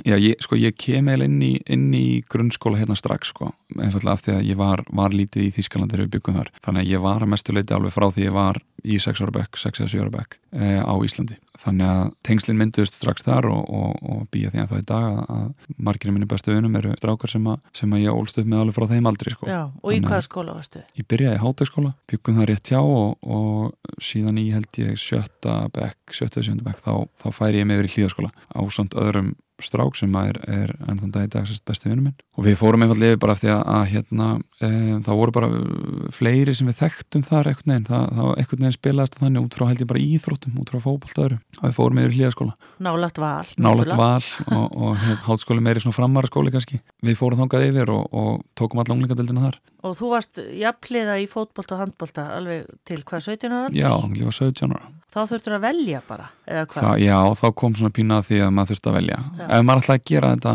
af alvöru, þá svona því miður, þá þurfti maður að gera það. Mér þótti það afskaplega erfitt. Uh, fannst ótrúlega gaman í, í hvort tveggja og jafnvel fannst mér aðeins skemmtilegri í handbólta. En ég var svona komin aðeins lengri í fótbolta og, og svona gekk kannski aðeins betur þar. Hendanum bara og tók maður bara eitthvað ákverðin og ég bara stend og held með henni í dag. Já, og hún fengi stuðning líka frá pappa Já, já, já, hann hérna það er svo sem bara eitt sem að, sem að hefur sem ég bara, bara er honum ápaslega þakkláttur að hérna, hann hefur alltaf lift mér að, að ráða ferðin í því. Það hefði verið rosalega öðvöld fyrir hann einhvern veginn að íta manni út í, í handbólta og, og ég meina, kannski líka að vissuleiti hafði kannski ykkur áhrif á mig að hann var þessi handbólta hildja ég, ég ætla ekki að útiloka það að, að, það kannski var, var stór stór biti að taka. Að, að hérna ætla að fetta einhvern veginn í fótspor á, á landslýsfyrirleðanum og, og sem einhvern veginn Getur oft verið svolítið pressa. Já, og, og kannski einhver leiti vildi maður sleppa við hana. Já, það getur alveg verið, ég, ég ætla ekki að tala það sko. En hvernig hérna, varstu sterkur námsmaður, Arnar? Já, aldrei verið í vandræði með nám Alveg frá því að ljóðbækundinars afa? Já, ég ætla það ekki bara að spila mikið inn í og, veist, alveg svona í alvörunni sko, það hérna hef, hef haft góð tök á íslensku einhvern veginn, samt, samt les ég mjög lítið og hef alltaf gert en ég held að sé, sé mikið tilkomið út af leikursi og, og, og þessum hljóðbókum og öðru að, hérna maður heyrði gott íslenskt mál námið almennt bara alveg frá því, frá því grunnskóla og upp í, upp í gegnum mennskóla og háskóla hefur alltaf, alltaf leiði nokkuð þægilega fyrir mér verið, verið fýtt námsmaður sko. Arnar, hvað hérna hvað varstu gammal þegar mamma hinn dó? Uh, ég er 11 ára gammal semst, á, á 12. aldursári uh, hún deyr í, í mæ og ég ámæli í loka ágúst þannig að, að hérna, rúmlega, rúmlega 11 háls Og þú hefur, og þú hefur skrifað um meiris að daginn þegar pappiðin sagði þér að mamma þið var í dáin. Já, uh, sem sagt, já bæði þann dag og, og daginn sem, sagt, sem, hún, sem hann segir mér að, að hún kom aldrei eftir heim svo, sem að svona kannski í, í minningun er hann erfiðari. Um, þá okkur neginn á þeim tíma tíðgæðist að tíðarandi var bara daldið þannig að bötunum var bara svolítið haldið fyrir utan það sem var í gangi. Þegar um svona veikindi voru ræða og, og sérstaklega svona alvarleg veikindi þar sem að einhvern veginn það, það lágljóst fyrir að, að, að þetta myndi enda á einhvern, einhverjum tímabúndi að gera það sem hjá okkur öllum en, en, en svona að það sé komin einhver fyrirfram ákveðin tími sem að hérna er gefin og, og sem að mamma svo sem fór langt fram úr en, um, En þegar hann segir þér að hún muni sennilega ekki koma aftur heim þú, það er dagurinn sem að þú svona Já, það það var hérna það var bara Já, um, og þetta maður er kannski ekkit, endilega rosalega undirbúin undir það Nei. þegar maður er ekki inn í neinu. Maður er til símtali nokkru dögum áður sem að ég átti við mömmu þegar hún var sérst farin upp á spítala. Og mamma mikil, mikil alltaf í miklu políunuleik greiðalega jákvæð alltaf í rauninni svona svolítið út af þessum að kannski einhverju leiti á líka ákveðin vegliki að, að hérna er ekki gott. Og þetta, í þessu símtali að, að, það, það svona kannski segir manni líka hvað, hvað börn eru, eru klár og, og, og hvað, þau, hvað þau vita þrátt fyrir að þeim sé ekki endilega sagt allt. Að, að mani ábærslega tilfinninguna mína í þessu símtali að, að hún svona var bara svolítið að gera grína aðstafanum hún var svolítið að hérna, gera grína því hún væri þannig í öndunavél þyrfti, þyrfti hjálp við að anda og það var nú bara því hún var svo þreytt og, og netti í rauninni ekkert sagðum við mig sko. í rauninni bara símtalið bara á góða nótunum þannig og, og svo breytti ég pappa síman en ég maður bara hvernig tilfinningin var þannig að það var eitthvað sem var ekki lægi hún, hún hljómaði ekki alveg eins og hún átti að sér og, og það var eitthvað sem að, sem að trublaði mig manni og, í rauninni bara nokkur tíðan setna þá kemur pappi heim þannig og, og og segir mér þarna að, að, að mamma sé bara ekkert að fara að koma aftur heim á spítalanum uh, og fram að þeim tímúti hafði ég ekki viljað fara inn á spítala. Og það var kannski svona partur af, af þessari afnættinu á mér einhvern veginn, ég ætlaði bara að hérna, hitta hana þegar hún kemur heim. Ekki að vera að fara að hitta hana okkur um spítala bara, mér fannst það ekkert passa. Og veist, ég hafði aldrei upplegað með mér sem sjúkling og, og, og svo sem áenga minninga hann sem sjúkling sem ég, er, sem ég er mjög þakkláttur fyrir. Uh, hún var inn á spítala mjög stuttan tíma alltaf ekki verið kannski tíu dagar í, í, í mestalega held ég. Og, og upplegaðan aldrei sem, sem neitt sjúkling og, og þannig ég ætlaði bara að býja eftir hún kem heim en, en, en síðan kemur hún ekkert aftur heim og, og fæði þessar frittir á pappa og þá þetta var ekkert, var ekkert annað stöðun en að, en að heitna, fara til hennar og vera hjá henni og var, var mikið hjá henni þessar síðustu daga. Og ég held að sé bara fjóruðum setn held ég sem, að, sem hún er farin sko. þetta gerist mjög rætt sem að í dag er í, í rauninni bara maður þakka fyrir uh, frekar heldur en að heitna bæði hún og, og, og aðra í kringum hana hefði verið í raunina að segja, kvæljast í, í einhverjum sárum sko. þá kannski er það besta leðin og, og við segjum það kannski oft líka bara að þetta var svona típist mamma, hún bara eitthvað dreif síbjörn þegar hún vissi að það var komið að þessu. En Arnar, sveit, þegar bara þú veist auðvitað gera allir sitt besta og reyna að upplýsa og halda börnunum upplýstum og allt það, en, en af hverju heldur að við veljum samt einhvern veginn leiðina að kannski hlýfa börnum aðeins svo mikið við alls konar svona hlutum sem eru kannski erfiðir. Ég held að það sé bara ástæðin sko. Ég held að það sé bara þú vilt ekki að barnið sé að upplega það sem þú ert að upplega það er ekkit endilega einhver rökhugsun sem að kemur strax inn í þarna. Það er miklu meira, þetta eru svo ofbásla sterkar tilfinningar og það má ekki gleyma því heldur að pappi á þessum tíma, hann er að upplega þetta líki fyrir skipti það er ekki, ekki eins og hann sé sjóaður í því að takast á eitthvað svona og, og, og tala nú ekki um að, kannski svona skiptingin í, í hérna fóröldarhluturkunum voru, voru þú veist að mamma var kannski þessi svona tilfinningarlega að vera í mínu lífi mm. meðan pappi var þessi íþróttamæður og var, þú veist, metnaðurinn og allt þetta og, og ofbáslega sterk og góð blanda að hafa en veist, allt í hann einhvern veginn að taka við þessu kefli líka. En ég, ég held að ég held að sé, held að sé bara þessi, þessi ást. Þú, þú, þú einhvern veginn þú, það kemur ekkert upp í huga en að, að þú ætlar einhvern veginn að, að henda þessu öll yfir badnið að hérna mena, og fyrir þetta bara hversu erfitt er að segja badninu að mamma en eða mamma barsin sé, sé bara ekki, ekki að fara að lifa þetta af. Ég get ekki sett mér í þau spór og, og, og vona ég hérna þurfi ekki að, að setja mér í þau spór vona ég þurfi ekki að, að hérna, lenda í þeim spórum eins og segi, á þeim tíma þá var lenskan pínu þannig. Um, ég held að mér þess að það hefur bara verið þannig almennt, þú veist, var bara að tala um það það ætti ekkit að vera veist, bara bæðið frá, frá fagfólki líka. Já, já, já. það ætti ekkit endilega að vera að tala við börnunum um þetta, það væri bara best en í dag veitum við betur. Og aldrei neitt sem hefur komið upp í hugmynda eða einhvern sem var í kringum mig. Það voru allir að vanda sig. Það er allir að gera sitt besta. Það, það er allir að gera það sem þeir mögulega geta. Það er allir með það þá einu hugsun að reyna að láta öllum líða eins vel og mögulegt er í, í þessum bara ömurlegu aðstæðum. Árin þarna eftir, auðvitað ertu lítill þú ert 11 ára, svo koma úlingsárin og þú ferð á fullt í hérna fókbalta, handbalta fer svo í verslu og svona. Ertu lokaði Arnarsveit hann að lengi framanaf eða hvað? Já, það fer svolítið eftir hvernig, hvernig skilgrin er að vera lokaður sko. Um, Til dæmis varandi þetta, tala um þetta já, sko, að hafa mist mömmu sína. Já, hvað hva það var þar alveg klárlega. Um, Ég talaði ekki um það við neitt að einhverju viti nema móðufjölskyldun talaði ég svolítið við, eitthvað nefn fann ég svolítið öryggi þar. Um, en eiginlega undantekningalust brotnaði niður eiginlega bara strax og það byrjaði eitthvað að tala um mömmu eða, eða eitthvað henni tengt. Já Varstu reyður eða eitthvað neginn? Já, ég var, ég var mjög reyður sko, mér, mér, mér fannst þetta alveg ótrúlega ósangjant og eitthvað neginn, þessi ósangjitni eitthvað neginn tók yfir, yfir rosalega mikið sko.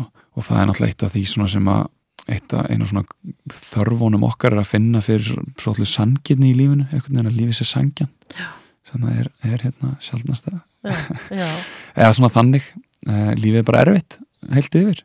Og, og sem að gera það svo endislegt klárlega þá var ég lokað hvað það var þar en á öðrum vikstöðum var ég, var ég svolítið svona, ég var hrókur alls fagnar þegar, þú veist, í, í bekknum mínum eða í, í, í liðinu mín eða, þú veist, ég var fyrirlið í hérna, yngri flokkum upp, upp í upp íþrótunar, sko. Þú veist, þannig ég var mikill leittói sem, sem ég fæ frá pappa held ég, að miklu leiti en ekkit síður heldur frá mömmu, mamma var líka mikill leittói á, á, á sinnhátt og, og það er svona þessi góða blanda sem ég talaði um á hann þetta, þetta svona tilfinningarlega og, og svona metnaða fulla uppeldi sem ég fekk um, en, en það sem ég kemst að í rauninni setna mér er, er að, að svona tilfinningarlega þroski minn hann, hann bara stoppar mm. 11 ára gammal sem betur fyrr hafði haft mjög góðan góða fyrirmynd í, í tilfinningamálunum fram að því Já. þannig ég var kannski komið fram, aðeins fram úr öðrum Já. á þeim tíma í tilfinningunum og en, bara að fara í gegnum svona þetta að missa foreldri, það er náttúrulega bara eins og háskólanámi í tilfinninga einhverju, rússipannin Já, sko, já það, það er það það er svona eins og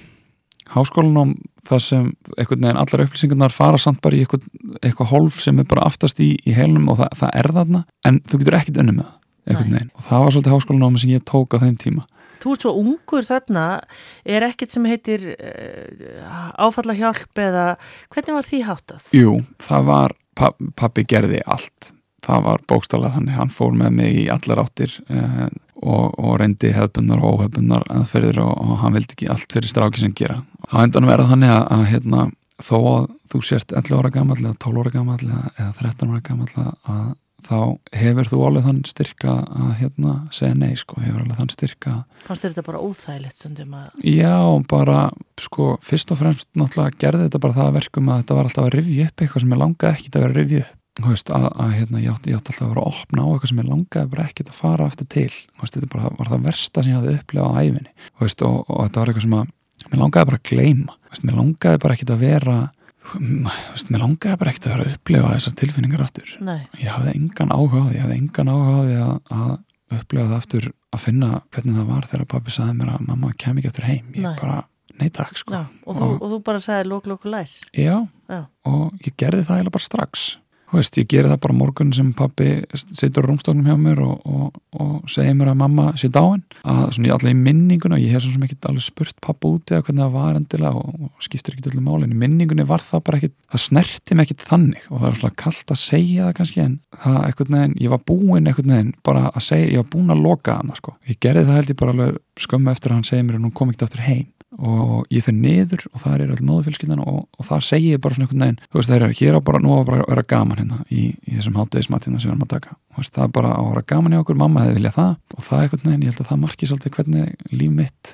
átti að vera. Átti bara að vera gaman Já. og það átti bara að vera gleði og, og jákvæðni Og þannig heldur það svolítið áfram, Arnarsveitn, en þú átti vantarlega, hvað, ef að segja þína dökkustundir eða fórstu, grestu í einrúmi eða hvað, eða, eða náður að vera trúður 24 tíma sólarhinsins? Nei, heldur betur ekki. Ég náði því held yfir að, vera það, vera brandarakallinn og, og hérna og svona held yfir náði ég því en, en það komu sér alveg tímapunktar í, í yfir daginn stundum eða, eða ég er ekki að segja að vendla hverju viku eða eitthvað en það kom alveg tímar þar sem ég misti mig í einhvers konar kasti sko. Oft gerist á fólklæðlunum það er mjög aðtilsvært að skoða hérna, spjaldasjónum mína í yngurlokum ég er mikið rauðin spjaldum. Var eiginlega undantekningalust fyrir eitthvað allt annað heldur en eitthvað brot. Það var alltaf fyrir eitthvað kjaft og eitthvað að hérna, ríða mig við áhorfendur jafnvel foreldra og, og svona skilur og, og þetta eru þetta svona allt í dag vísbendingar um það er eitthvað að en það svona kveikir enginn á því á, á þeim tímundi og, og svo sem ekkit, ekkit ég veist, það skal engan undræður en það kannski gerist ekkit, fólk er bara ekkit endilega að tengja þetta tvent saman. Nei, og svo kom það alveg fyrir heima líka að, ég misti mig í einhver, einhver köstu pappa eða, eða, eða nýja konu pappa Jónu sem er stjúpmáðin minn í dag að, að maður átti það alveg til að, að hérna, missa sig þar. Og svo voru kvöldin að hann fór að sofa, það var einn minn, minn versti tími. Og lengi vel bara þá sopnaði ég bara grátandi. Bara, það var bara, já, ég, það var allt sem að heldst þegar mann er mala á einn upp í, upp í rúmi, einhvern veginn í, í myrkrinu en hvenar, hvenar finnst þér eins og þú hafir svona, já, hvað ég að segja, bara hugsað, ég get ekki byrt þetta allt hérna inni, ég verði eitthvað neina, þú segir á þann að þú skrifaði mikið, ég meina, hvað ertu gamall þegar þú lóksins bara svona, hvað ég að segja, stígur fram með tilfinningarna þínar? Það gerist í rauninni bara ekkert fyrir í byrjun árs 2018 sem gerist í kjölfarið á því að, að e, ég og það var þetta kærast minn eitt saman. Svona í kjölfarið á því einhvern veginn að, ég hafi verið í, í samband undan því líka, bæðið sambandin þrjú ár og ég einhvern veginn horfði alltaf á þetta þannig að þetta væri nú allt þeim að kenna, þetta væri nú ekki, ekki, ekki mig að sakast að þetta er ekki gengið og, og hérna. Og svona þessi svona að kasta ábyrðin einhvert annað svolítið. Og síðan bendir bara sagt, svolítið kærasta mín eða þá var þetta kærasta mín mér á að, að hérna, sérst hún fyrir svolítið, svolítið að ræða sína hliðasambandinu eftir sambandi, svolítið að gera það upp sín megin. Og þá allt ég nátt að því að ég hefði heyrt þess að bara ræða alveg áður sko, frá þá sambandinu sem var þar áður. Ég trú ekki til honir þannig að ég gat ekki annað en hugsa að það gæti verið eitthvað annað sem að, sem að ég ætti jafnvel kannski eitthvað smá sök á. Og þegar ég fer sem skoða það þá er henni verið alltaf mikið sem, að, sem er líkt með þessum tveimur sambandum í hvað, var, hvað, hvað mig varðar. Og í framhaldan því að, að þá fer ég að hitta sálfræðing og það er svona hvernig hefst þetta, hefst þessi vinna sem að hefur skilað mér þann dag sem ég, þessast á þann stað sem ég er í dag. Já, og þá bara sestu niður og þú ferð að leifa þér að skrifa bara svolítið um mömmuðina og hvað þú saknar hennar. Já, eitthvað neginn Og þetta vakti alveg greiðlega viðbröð. Já og kannski me mikið meiri viðbröð en ég eitthvað neginn hafi nokkuð tíman ímyndað mér. Margir sem já, hafa spurt mig af hverju, af hverju held ég að, að það gerist? Af hverju held ég að hérna, af hverju þetta vekur svona mikið viðbröð eins og það gerir? Ég held að það sé bara af því að ég er ekkit að þykjast neitt ég er ekkit að, er ekkit að skrifa bara eitthvað ég, og, og ég er ekki ég er ekki á hérna fastu launum hjá vísi að skilja pislum ég er ekki með eitthvað deadline á pislum ég, ég bara skilaði minn þegar ég skilaði minn þeir bara koma til mín. Og það sem gerist er að, að, að þetta, þeir koma allir út frá einhverju sem gerist í, í mínu lífi í þessu ferðalagi sem ég er búin að vera og, og ég er einhvern veginn alltaf að koma á nýja staði og sömur eru aðeinslegir og, og aðrir eru síðan bara ekkert jafn aðeinslegir en allir jafn mikilvægir Já. á þessu ferðalagi og, og þegar að þessar hindranir koma þessar, þessar stóru hindranir að þá bara sest ég niður og, og það er bara þannig, það hefur verið þannig með eiginlega alla, alla þessar pisla sem ég sett út að ég hef kannski skrifað á hálftíma, klukktíma bara reyðist út úr þeir þér bara koma út og, og hérna, ég þarf alla að fara yfir það sko. Nei. þannig Mm. veist, það er, og það er held í það sem komar að segja, það er það sem lætur þá tikka inn hjá fólki. Já, þetta er bara ég að hugsa uppátt já, og ég er góður að koma það í orð já því sér að hugsa á, á svona kannski skiljanlegan hátt. Og það er svona kannski, það er óbúslega mikið svona sem ég heyri líka er, er að, að ég er að koma einhverju orð kannski eins og söknuði eða, eða samviskubiti eða einhverju slíku í, í svona eitthvað svona mannlegt tal, ekki eitthvað fræðilegt eða heldur bara svona hvað það er og, og hvernig áhrif það getur haft og, og það er bara óbúslega margir sem tengja við það Já. af því að ég er ekkit einn í, í þessu sko Nei, og svo ertu líka, þú ert tiltölu ungur, fættu 91 og af því maður er nú búin að taka svo mörg viðtölu að það er oft bara miklu, miklu setna sem að fólk leifi sér að tengja svona við tilfinningar sínar. Það algjörlega vekur líka aðtegli. Al, algjörlega það, ég, þú veist það er svona nokkur hlutur sem spilinni að það er það, það er, það er aldurinn, það er kallmaður, það er kemur í íþrótaheiminum, þú veist þetta er svona allt einhvern veginn skýtur svolítið skökku við, en klárlega og, og ég, ég, veist, ég, ég segi alltaf, veist, ég er bara, bara heppin að það hafi komið núna en ekki setna, veist, sem er burðast með svona miklu lengur, sem er burðast með þetta alla hæfi, þannig að, mér finnst ég bara ótrúlega heppin að, hafa náð að gera þetta núna eigandi, ég allavega eitthvað, eitthvað eftir Já, já, þannig að, hérna, að ég er óbúslega glað með það og veist, það, það hefur, hefur gefið mig tækifæri sem að mögulega hefði ekkert komið annars. Áður við tökum östu hlýja, mér langar að taka aðeins bara rétt í lokin hérna uh, Arnar Sveitn Girsson, hvernig er eh, sambandi við bara íþróttirnar, er, myndur þú segja, er svona meiri harneskja þar varðandi tilfinningar heldur en svona hinnir þekkja sem er ekki í íþróttum? Er maður ekkert að grenja í sturtunni neitt? Nei, maður, maður er hérna eitthvað minna að því sko. Já, og það er svona kannski áhugavert þess að tvo, tvo póla sem ég kem frá leikúsi og íþrótnar já, hvað hérna tilfinningarnir eru náttúrulega mikið, mikið meira í leikúsinu og miklu leit er það náttúrulega því að oftast er bara kannski að leika mjög tilfinningarlegar senur líka já, í, í, hérna, í leikúsinu sem kannski einhvern veginn leifir þeirra það frekar í, í dagstæðlegu lífi á meðan í fótbolta eða, sérst, eða íþróttum og, og ég getur bara að tala út frá fótbolta að, mestu leiti er að, að það er einhvern er engin tími fyrir þetta? Það er engin, engin tími fyrir einhverja tilfinningar inn á vellinum. Það er bara hérna leikur framöndan sem þarf að vinnast og það er bara ekkert sveigrum fyrir eitthvað, eitthvað kjaftaði sko. og þegar ég segi kjaftaði þá er það þetta, þetta, þessi líðan að, að hérna, staðrændinni sem bara svo að íþróttamenn alveg svo aðrir er, að- er að eiga við lífið. Það er áskonar sem fylgja því að íþróttamenn ganginum erfileika alveg svo allir aðrir. Þa, það, það er ábúrslega skrítið að, að, hérna, að við, við séum ekki að leiða okkur að, að hérna, bera það á borð í íþróttaheiminum. Það er óbúrslega skrítið og, og að mínu viti heldur það bara aftur á okkur. Björgvin Páll eh, leggur sitt á skólanum með þessar bóksinni þar sem hún greinir frá svona bara andlega hérna mikill í vanlíðan. Þetta eru bara hérna, já, örgulega verið stórt skref að gera þetta. heldur betur og, og, hérna, og ég meina þetta er, þetta er alltaf, alltaf stórt skref og, og, veist, og margir horfur að gláta þannig að, hérna, stærsta skrefið sér það fyrir hann að skrifa þetta bók og, gefa þetta út allavega, nú get ég ekki tala fyrir hans hönd en, en fyrir mína hönd stærsta skrefið var alltaf, var alltaf að gera það fyrir sjálf mig. Og en þetta í dag snýst þetta alltaf um, um sjálf mig. Sama hvað hverjum finnst um það Já. sama hvort einhverjum finnst það eitthvað sjálfselst eða, eða, eða hvað það er þegar maður segir það þá er það bara staðrendin ég er að gera þetta fyrir sjálf mig, ég er að skrifa þetta fyrir sjálf mig.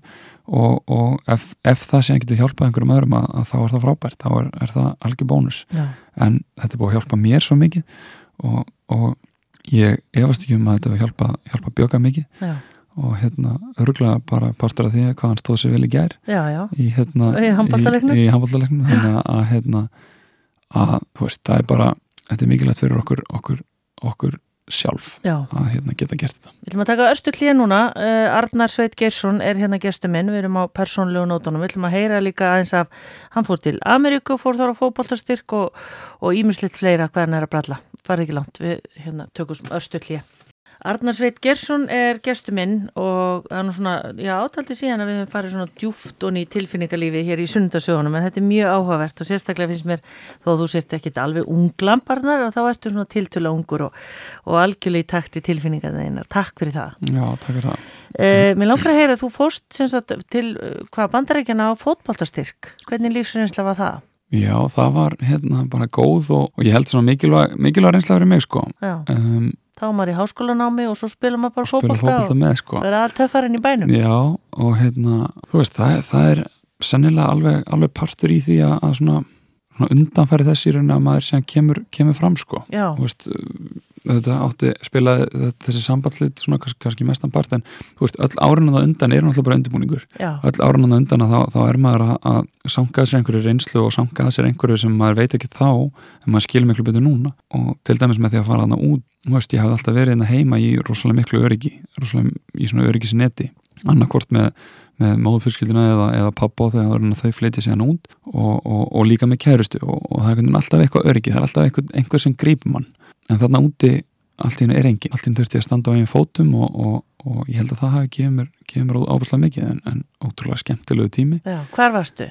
ég var í Suðu Karlinu, góðu veðri og, og hérna, Já, já, þannig að, að það er þetta líka skemmtileg upplifun að prófa það svona smá tilbreyting frá, frá hérna, góða, góða Íslandi og hvernig er maður þegar maður er svona styrk? Þá er þetta bara lið skólans og ertu þá ferðast um all bandaríkinu að spila eða hvernig? Já, það, maður sérst bæði spilar sérst, þetta er svona pínu flókið, flókið kjörðu hann í bandaríkjunum, þeir, þeir gera aldrei hlutina neitt, neitt einfalda, þannig að þú, þú ert bæði í svona deild sem er svona svolítið á þínu svæði, sem eru þá vanalega innan þín, sérst, þíns fylgis eða þú spila leiki, en svo spilar líka leiki utan fylgisins. Og þannig við vorum alveg að ferðast talsvert uh, langar, langar útverðir, þetta er náttúrulega ekki smá land, þannig að hérna Já, var, þetta var, var ótrúlega skemmtilegt Býrðu það þessu allavega? býja þessu allavega og, og, og þetta er alltaf hvetja til þess að, til þess að gera þetta sem er að hugsa um þetta sko. Já, en þarf maður að vera einhverju yfirburðamæður í fótbolta? Nei, það eru, eru Bara góður, já, svolítið? Já, það, og það, það eru skólarna líka í, í öllum, í rauninu öllum styrkleikum þannig og í dag er, er, er, eru, eru komið fyrirtækina heima sem er að hjálpa þér að fara þann út sem, að, sem eru gríðarlega mikilvæg uh, þegar hafa ótrúlega gott tengslanett og, og þannig að þetta er, þetta er orðið aðeins öldur í dag heldur en þetta var þá þó að nú ekki langt sen ég fór. Já, þá samt er, er þetta búið að breytast talsast á, á síðust árum þannig að þetta er orðið svona auðvitað. raun hafa verið möguleiki fyrir þá sem kannski er ekki, ekki uh, afburða knattbundum Já, stelpur og stráka. stelpur og stráka heldur betur. Já, það sjálfsög, þetta er, þetta er fyrir, hérna, fyrir, fyrir bæði kyn og, og veit að mikið íslensku stelpum sem er, sem er að, að fara út og, og náttúrulega fótbolt í bandaríkjanum mikið stærri stelpum en í rauninni sko. þannig að fyrir þær er þetta að, hérna, frábært ekki verið sko, og, og veit að það eru margar landsleikonur sem, að, sem að hafa farið, farið að nút og, og jafnvel komist síðan á samlingi á bandaríska liðum eftir, eftir að áskóluna við líkur þannig að þetta er bara massa, verið já. Arnar, hvernig var að eignast stjúpmóður? Jóhanna Vilhjónsdóttir, fjölmjölakona og rittöfundur og ímislegt fleira. Hún verður þarna e, stjúpmamaðinn. Hvernig dílaður við þær tilfinningar? Já, það var bara mér að veit sko. Það var hérna, og hún veit það alveg. Þeir eru búin að fara í gegnum það? já, við höfum að láta og átt okkar rimmur eh, sem svona oft, oftast var, var kannski út af mínu ójafvægi. Hún skildi nú ekkit vera að skipta sér mikið af þér eða hvað? Nei, hún, hún átti ekkit að vera að gera það, fannst mér og, og leið í rauninni kannski svona pínu eins og, eins og einhver væri að koma í, í einhver stað. Ætli þetta sé ekki svolítið algeng? mjög held ég. Og þetta er þetta bara ótrúlega vand með farið. Ég sé sérst, og veita í dag það var aldrei neitt í hennar hegðun sem að, var benti eitthvað til þess að hún væri að reyna það. Nei, hún let pappa um uppeldisleitverkið 95% en, en auðvitað býr hún inn á heimilinu og, og það er kannski ykkur atriðið þegar ég skildi skinn eftir eldsporinu að hann hafa auðvitað já, sem að, hérna, sem að henn auðvitað ofislega frjálst og í rauninni skilt að benda á. Og, og en svoleiðis hlutir og, og bara svona minnstu hlutir gáttu farið, farið í mig sem ég oftast svona held inn í mér þangar til að kannski hérna, glassi var, var orðið ofullt já, þá, þá þurfti maður að hérna, tæma þess orði þannig var þetta kannski bara pínu líka þetta var, veginn, þetta var alltaf frekar fullt glas sem að síðan sullaði einhvern veginn aðeins úr. Já, já, þannig að það var ekki, það var ekki ennþá alveg fullt en, en það var samt rosalega náldi þannig að það þurfti alltaf rosalega lítið til þess að, hérna, einhvern veginn steif manni fram af. Það var erfitt og það tók, tók mig tíma að, að, hérna, að samþykja það en ég let það ekki ljós.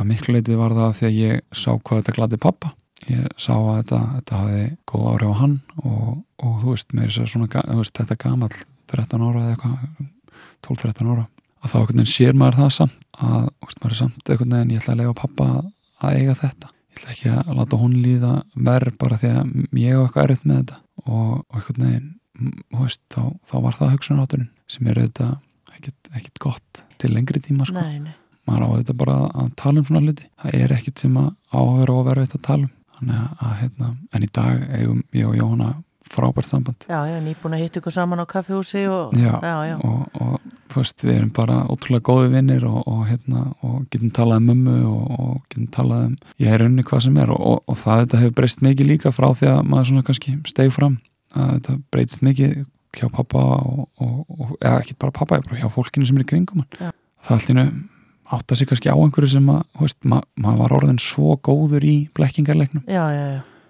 svona alveg hættulega góður og að maður var náttúrulega bara hann að blekja sjálfa sig að mörguleiti líka. Veist, í einhverjum, í einhverjum algjörum maður fór bara til sálfræðings og, og maður bara Flettu fiskaði, fiskaði já, sko, mér að áður en það er en ekki þá fer ég til sálfræðings og bara leik mér að honum, sko. Já, já, já.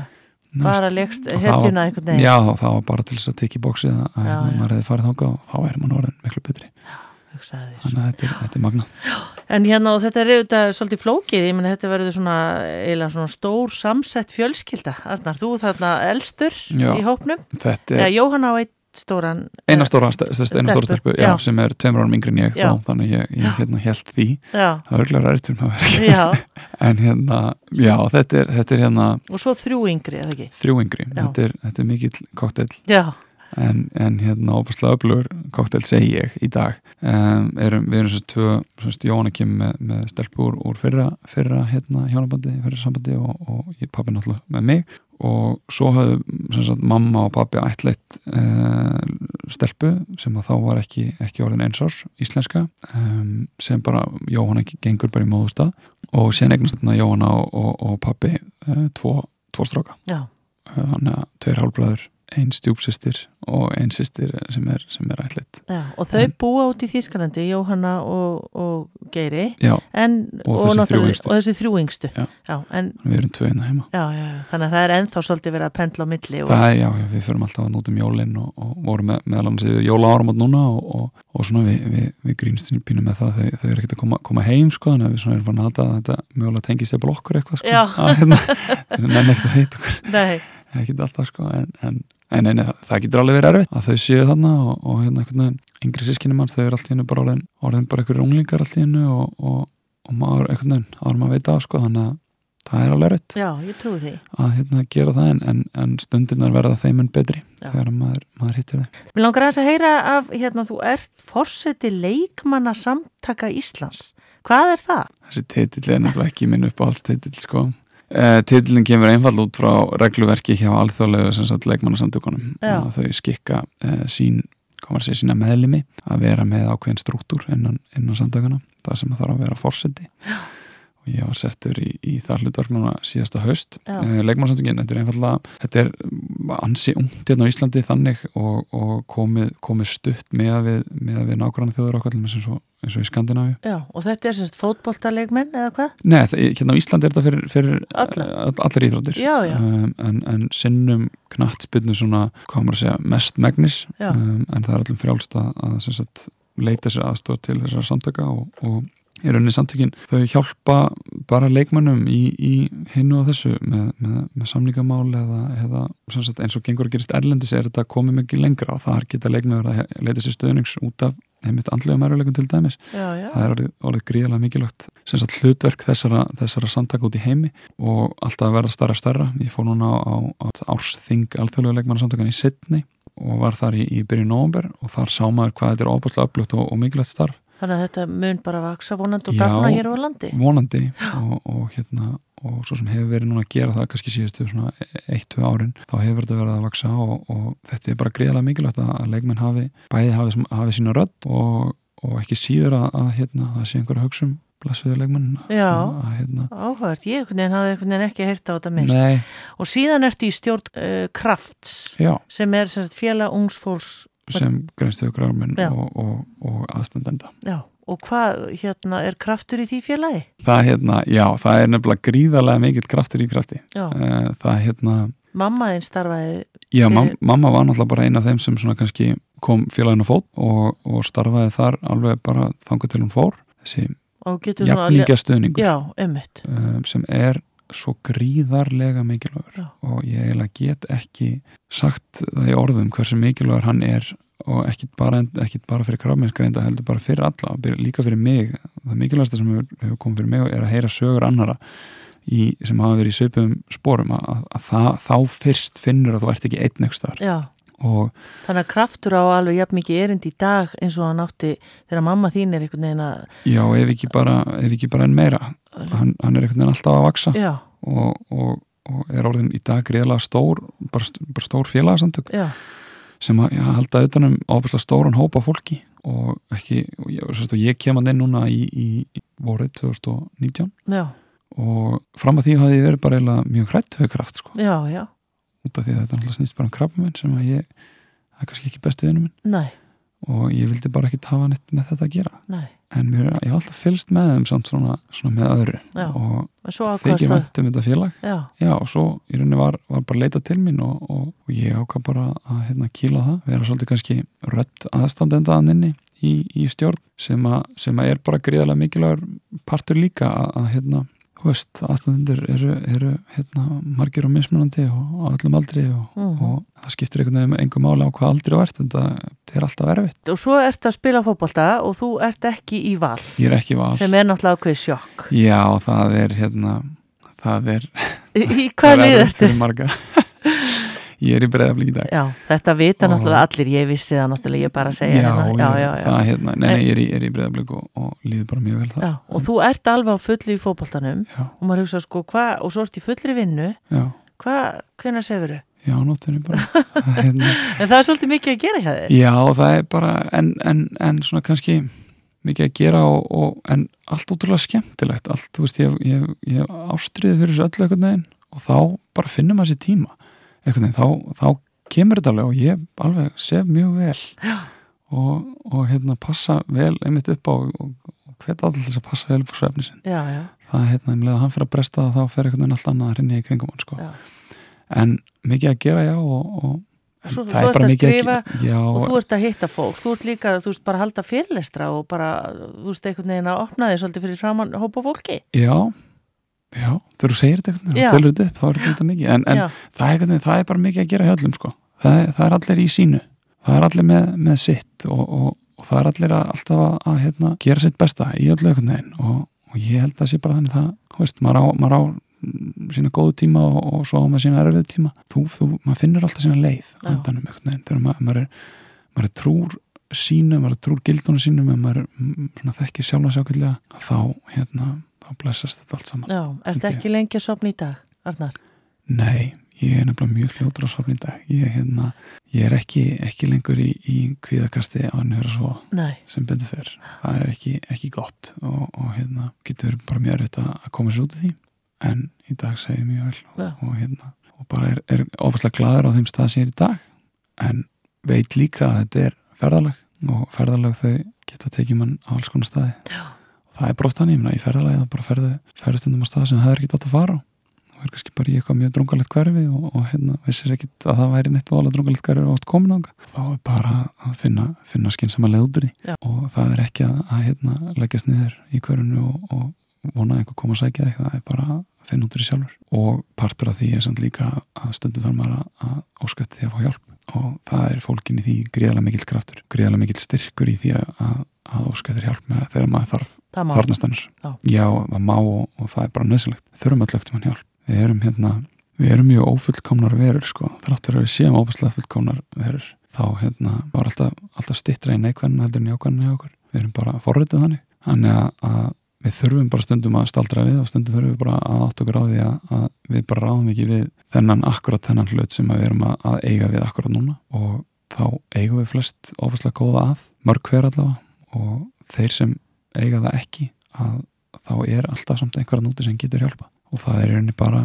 styrkurinn fólkinni því að, að þóra rétt á töndina sko. Já, og það, hérna, við megum bara fara að duglega að gera það Já. og sérstaklega ungir kallmenn þeir mega fara hérna, rétt á töndina oftar. Takk fyrir komuna í sunnudasögur Arnar Sveinn Gersson Takk kærlega fyrir að fá mig